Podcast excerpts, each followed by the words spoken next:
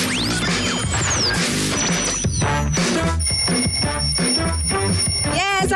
Pagi. Namaste. Umnia. Buenos dias. Ohio gozaimasu. Good morning. Selamat pagi bersama dengan saya Nana Mahazan di Business Makeover. Business Makeover di EFM for Entrepreneurs by Entrepreneurs. Wow, kita dah nak hampir mengucapkan selamat tinggal kepada bulan Ramadan. Besok kita akan insyaAllah berhari raya satu syawal. Ha, sudah pasti ramai yang telah pun pulang ke kampung halaman. Ada yang dah dekat kampung dan sedang ramai-ramai siapkan juadah raya untuk esok. Dan hari ini saya akan menghubungi seorang pakar dan juga coach untuk Business Makeover Special Raya ni. Jadi dengar nak kongsi tips macam mana sebenarnya untuk memakeoverkan bisnes anda sebelum terlewat. Kita bersama dengan Coach Syafiq Taib, pakar digital marketing di Talian. Apa khabar Coach? Alhamdulillah sihat-sihat Alhamdulillah. Aha, baik, Alhamdulillah tak sabar nak raya besok ni. Dah sempat-sempat masak Oh. semua dah siap dah. Oh betul di tengah-tengah sibuk kat ni. Aha, tapi tak apa. Dalam kita sibuk-sibuk nak beraya ni kita nak juga kongsikan bersama dengan uh, pendengar-pendengar EFM. Manalah tahun ni last ni untuk diorang dapatkan tips untuk bisnes diorang akan datang. Uh, mungkin uh, Coach Syafiq boleh kenalkan diri dengan lebih dalam. Ah, Coach Syafiq ni uh, expert dalam bidang mana, macam mana menceburkan diri dalam bidang ini supaya orang uh, tahu uh, latar belakang Coach Syafiq sikit. Ah okay, alright. Uh, terima kasih Nana terima kasih kepada EFM kerana sudi uh, interview di hari-hari terakhir nak raya ni. Ha-ha. kan? Uh, okay, um, saya uh, boleh cari saya di Facebook. Ah, saya buat nama panjang, nama penuh saya Muhammad Syafiq Mat Taib. Dekat Facebook Syafiq Taib saja. Ah, Mhm. okay. So sekarang ni uh, dari segi perniagaan online saya dah, dah, dah terjebur terjebur ke dalam bidang perniagaan online ni daripada tahun 2013. Masa tu um, kita start dengan family saya masa tu tiba-tiba dari satu hari tu dia bawa barang-barang daripada China itu cadar cadar bedsheet. Mhm, mhm.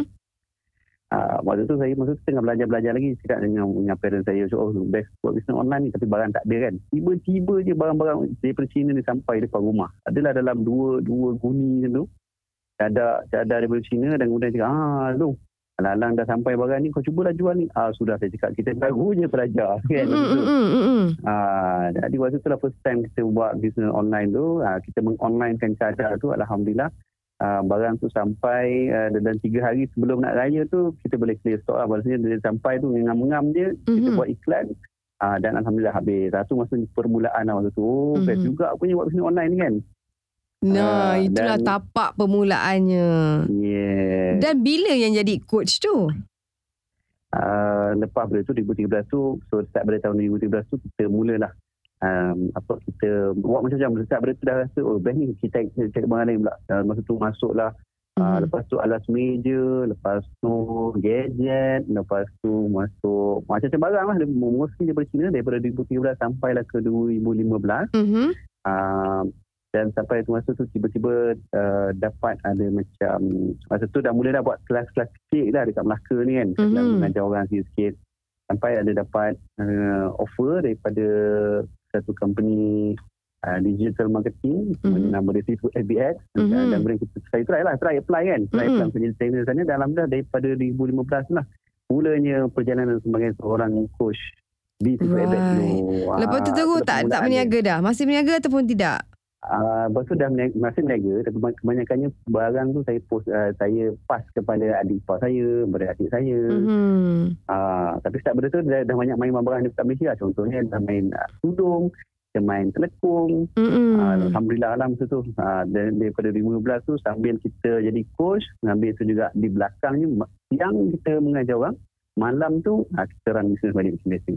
Right. Ah panjang kan jadi pengalaman daripada untuk coach Syafiq lah, buat bisnes sendiri membantu jugalah coach dalam bagi talk dan sebagainya kan?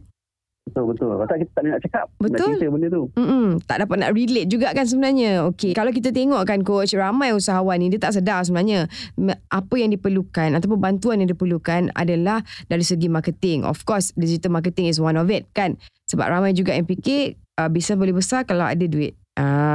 Dan uh, dia orang juga fikir bila dah post produk dekat FB, dekat Instagram sebagainya dah memadai. Komen coach sendiri macam mana? Okey betul. Uh, apa yang Nana cakap tu betul-betul boleh katakan 99.9% betul. Uh, sebab kebanyakannya memang kebanyakannya dulu pun saya pun termasuk dalam saya sebagai salah seorang yang macam tu. Hmm. Jadi kita kata macam mana nak buat bisnes besar so kita kena ada modal besar untuk cari barang Mm-mm. untuk hasilkan produk. Mm-mm. Ah, jadi maknanya oh barang oh nak buat bisnes besar-besar ni orang-orang yang sale besar-besar ni mesti dia punya modal besar, barang banyak, stok berlambak. Macam tu lah mula-mula ni kita macam tu. Ah, tapi rupa-rupanya bila kita slowly masuk kita dah tengok sebenarnya ah, bila kita ber, berniat di hati dalam kepala nak berniaga, so nak tak nak kita kena pecahkan beberapa bahagian dalam kepala kita tu Mhm. kena ada bahagian produk sedikit, kena ada marketing sedikit, bahagian Right. team sale sikit. Mhm. Uh, dan kebanyakan orang, kebanyakannya adalah ramai yang uh, memandang ringan bab marketing ni. Iyalah. Ah, bagi dia bagi dia, dia kata alah marketing marketing, marketing kalau kalau yang mungkin yang style konvensional dia kata okeylah kita pergilah saya flyer kita ida-ida lah flyer. Mm-mm. Memang masih ada lagi orang macam tu. Saya tengok, saya jumpa.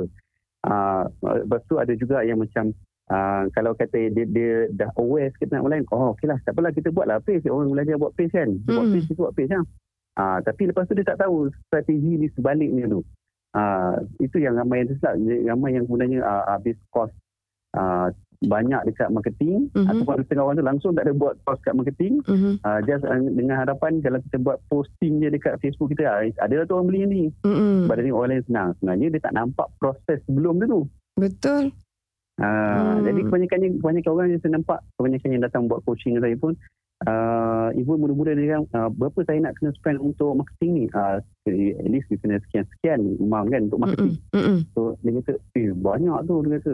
Eh bukan kadang dia bukan kata banyak. Dia kata macam, eh tak boleh nak nak kurangkan lagi ke? Sebab dia, dia tak banyak. Dia kata macam, eh, tak payahlah benda ni. Ha, dia macam tu. Ah, dia kata tak perlu. Ah.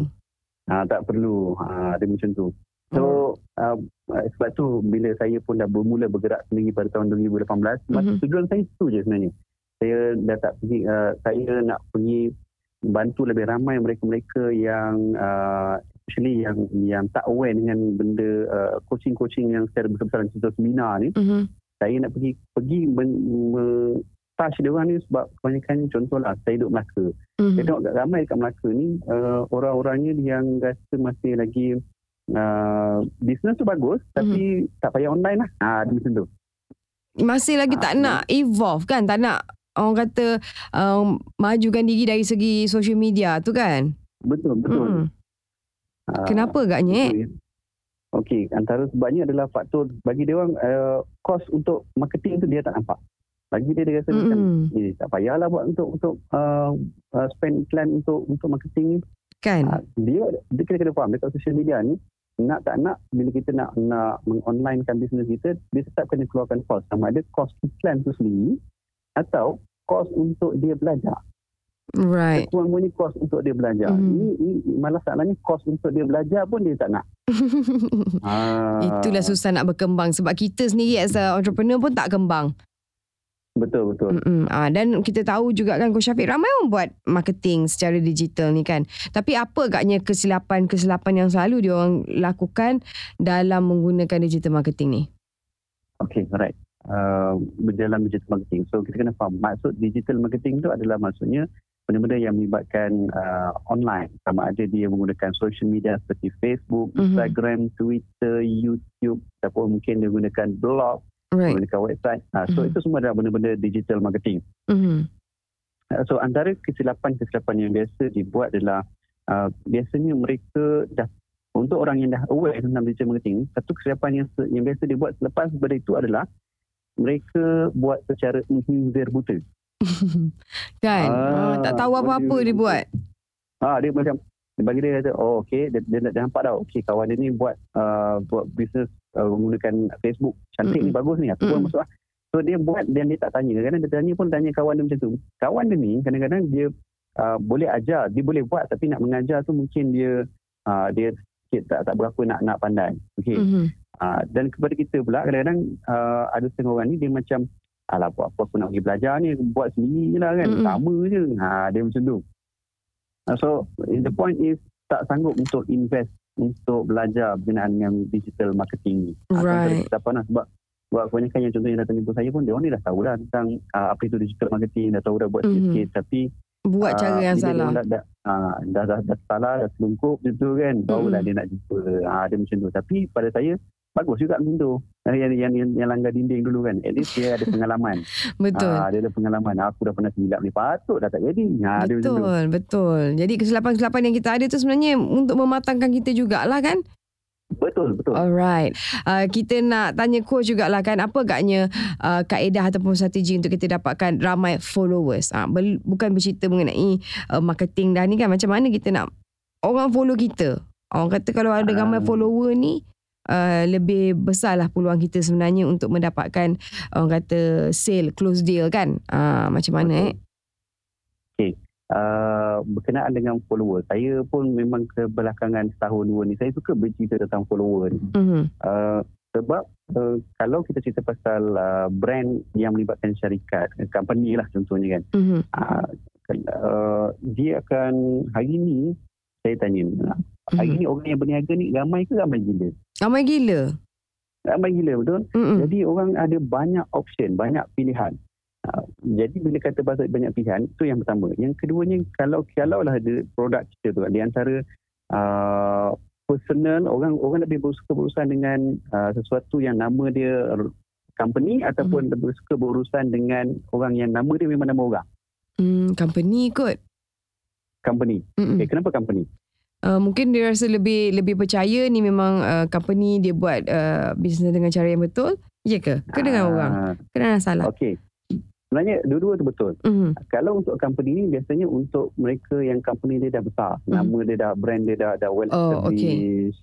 Mhm. Ah, yang biasanya dia dah pun melepasi fasa follower ramai. Mhm. Ah, jadi kalau kita yang baru nak mula Mhm. ah, dan kita mulakan perkenalkan diri kita dengan ah, brand kita, Mhm. ah, so dia agak dari segi dari segi trust tu dia lambat sedikit berbanding kalau dia promote diri dia sendiri. Mhm. Ah, maknanya orang lah orang. Right. So that's why kalau pada mana-mana mereka yang baru bermula dalam era tahun 2018, 2019 ni, Mhm. uh, ramai dah mula menekankan tentang uh, term yang dipanggil sebagai personal branding. Right. Uh, Hmm. Orang sebab hari ni contohlah, katalah orang nampak satu iklan tu lalu dekat wall wall Facebook dia dan sebagainya. Waktu tu dia tidak biasanya kalau Nana, mm Mhm. kan Nana akan terus buat pesan untuk membeli. Mhm.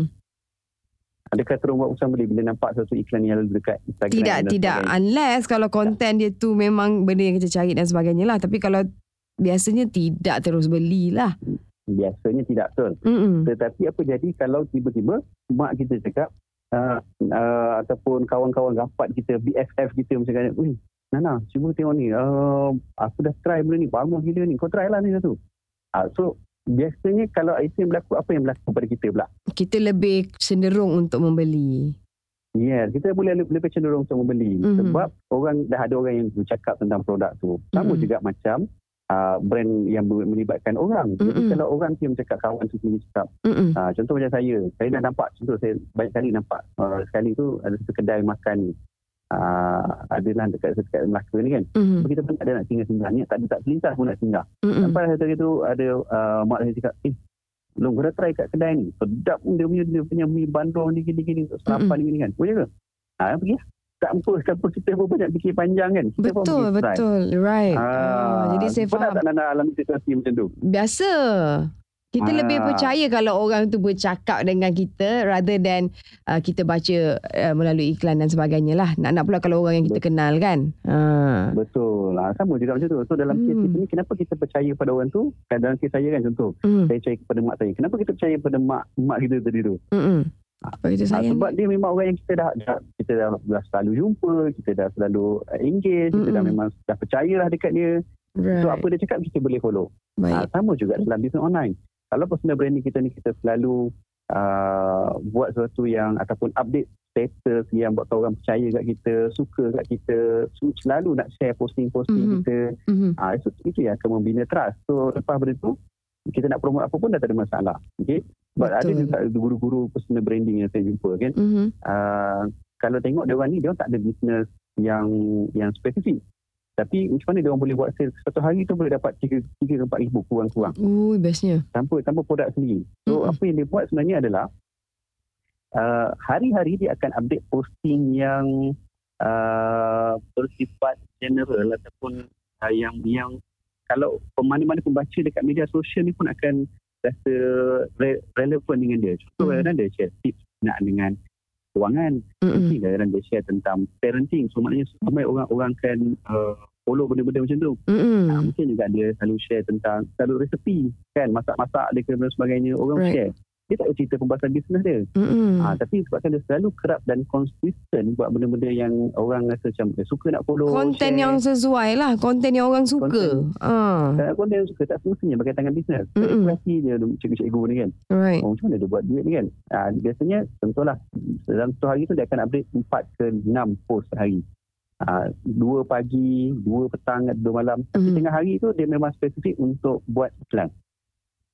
Yes. Ha, Mhm. Jadi pagi tu mungkin dia buat posting yang kelakar-kelakar. Kemudian dia buat post yang orang nak share. Contoh resepi ke, tip parenting ke, tip Mhm. kewangan dan sebagainya. Tengah hari tu dia akan start promote lah produk. Maksudnya dia apa pun produk pun. Mm-mm. Hari ni kita kadang-kadang lepas dia cerita pasal tip parenting, tiba-tiba tengah hari tu dia jual buku uh, uh, e-book uh, ataupun buku untuk kanak-kanak yang elektronik dengan yang boleh yang bunyi-bunyi contohnya. Mm-mm. Ah, ada macam tu. Dia dia tak maknanya dia tidak ada spesifik barang, uh, spesifik konten. Asalkan konten tersebut uh, orang-orang Relatable. suka nak share. Mm-mm. Ah, Alright, jadi- kita- dan dia punya follower ni memang biasanya 100 ribu, 200 ribu ke atas. Wow. Hebat eh followers kalau macam banyak macam tu senang untuk kita jual sebab dia dah percaya kat kita. Sometimes orang ni takut kan dapat feedback daripada customer yang tak suka, dia akan directly komen kat situ, oh barang ni tak best and you know kadang-kadang uh, boleh jadi sabotage ataupun sebagainya. Apa komen coach? Okey, um, berkenaan dengan komen-komen netizen kan. Um, Dalam Malaysia ni memang terkenal dengan netizen yang sangat Negatif. Uh, apa nama kita uh, dia bukan negatif lah. Kita panggil sebagai uh, netizen yang sangat prihatin. Okay. Ah, dia benda tu baik tak baik siap kau dia kata. Um, jadi pada dan macam ni. Kenapa kita takut? Kenapa kita takut bila mana kita sebenarnya tak yakin dengan produk kita. Mm-mm. Maksudnya kita tahu produk kita ni, apa produk ni sebenarnya tak lulus lagi KM ni. Ah, contohnya kan. Right. Produk aku ni testimoni pun tak banyak ni. Benda tak tak ramai orang orang dapat result lagi ni kan. Mm-mm. So benda-benda macam tu lah yang akan mengundang uh, komen-komen netizen bila tak jadi. Mm-mm. Jadi that's why sebelum kita pada saya sebelum kita mula mempromosikan produk kita secara online Mhm. uh, sebaik-baiknya kita kumpul lah dulu sebanyak mungkin testimoni yang feedback dia positif terlebih dahulu. Mhm. Ah jadi negatif kalau tak payah share langsung lah kan? Jangan, jangan share, jangan share. Uh-uh. Ah, dan kita bersih kita perhatikan kalau kalau sebelum kita promote dekat online tu yang banyak tu negatif, uh, yang banyak tu adalah komen yang negatif. Mhm. So memang maknanya kita kena perhati balik produk kita tu sendiri. Exactly. Mm-mm. Ah, janganlah sampai ada, waktu tu komen dah negatif lagi banyak pada positif still kita nak promotekan produk kita itu maknanya cek pasal namanya Betul. ha, Jadi kita kan? betulkan dahulu kalau ada apa-apa feedback itu adalah sebagai uh, untuk kita memperbaiki uh, memperbaiki mutu produk yang kita keluarkan. Uh, janganlah ambil lepas tu Betul. kau delete delete delete kau tak buat apa-apa kan? Ha, betul Alright dan kejap lagi Coach Syafiq mungkin boleh uh, berkongsi kat mana sebenarnya kalau mereka mahukan coaching one on one dengan Coach Syafiq macam mana nak buat uh, digital marketing sampai sini di EFM for Entrepreneurs by Entrepreneurs. EFM for Entrepreneurs by Entrepreneurs masih lagi bertemankan Nana Mahazan di sini bersama dengan Coach Syafiq di talian jauh nun di Melaka dah ready nak berhari raya besok ya Coach? ya betul Ah, bila-. Bila start kerja balik ni? uh, insyaAllah seminggu lepas raya Okay 10 hari bulan dah start lah Coach ya? Ya. Alright, okay. Macam mana sebenarnya kalau ada lah usahawan-usahawan yang mendengar ni yang ingin dapatkan coaching daripada coach uh, one on one mungkin nak, nak lebih jelas lagi. Okay, uh, alright. So, manakan ni mood raya lagi kan. Okay, so insyaAllah kita akan kembali beroperasi. Saya kembali beroperasi. InsyaAllah saya akan kembali mulakan balik sesi coaching dan kelas-kelas uh, apa, digital marketing ni. Mm-hmm. Uh, selepas raya ni, seminggu lepas raya. Mhm. Uh, dan untuk dapatkan maklumat lanjut dan sebagainya, boleh follow saya di Facebook. Uh, Syafiq Taib, S-Y-A-F-I-Q, Taib, Syafiq Taib. Mm-hmm. Atau boleh juga uh, tengok di uh, blog saya, syafiqtaib.com. Uh, so, ada maklumat-maklumatnya dekat situ lah nanti. Alright. Mm-hmm. Okay. Uh, last but not least mungkin Coach Syafiq ada ucapan raya kepada pendengar-pendengar Business Over dan juga EFM. Silakan. Okey, uh, kepada pendengar EFM, saya ucapkan selamat berhari raya. Selamat pulang ke kampung. Mm-hmm. Uh, semoga selamat selamat pulang bertemu yang tersayang. Uh, InsyaAllah, semoga yang jadi raya ni lebih jadi tempat untuk kita mengingatkan lebih silaturahim. Uh, bukan nanti ada pula orang misal ni, Mhm. inilah masanya untuk dia promote produk dia nanti alamak. Kalau kita nak Alamak. jumpa raya, saya minat nanti produk juga lagi kan. Uh, Betul. Bila nak watching masa raya ni, insyaAllah. Alright. Okey, terima kasih Coach Syafiq. Sama Hari Raya juga untuk Coach. Semoga Raya Coach lebih meriah. Okey, kalau sempat-sempat singgahlah ke Muar besok kita Raya kat Muar. Okey? Eh, InsyaAllah boleh-boleh. Alright, bye-bye. Ah, dah habis ke? Jadi kalaulah kita rasa perniagaan kita belum lagi mencapai tahap marketing digital yang uh, hebat, pastikan kita pergi belajar. Tak salah sebenarnya kalau kita untuk mendapatkan pelajaran, dapatkan ilmu mengenai seluk-beluk macam mana untuk melakukan digital marketing dengan betul. Sebab ianya akan membantu perniagaan kita. Of course kita have to spend a little bit tapi tak apa. Peluang ataupun ruang untuk kita dapat lebih uh, pulangan daripada uh, marketing digital kita ni lebih banyak insyaAllah. Alright. Itu dia antara yang menarik yang dapat kami sajikan untuk podcast kali ini. Pastikan anda terus scroll untuk dengarkan podcast-podcast yang lain. Tentunya menarik hanya di EFM for Entrepreneurs by Entrepreneurs.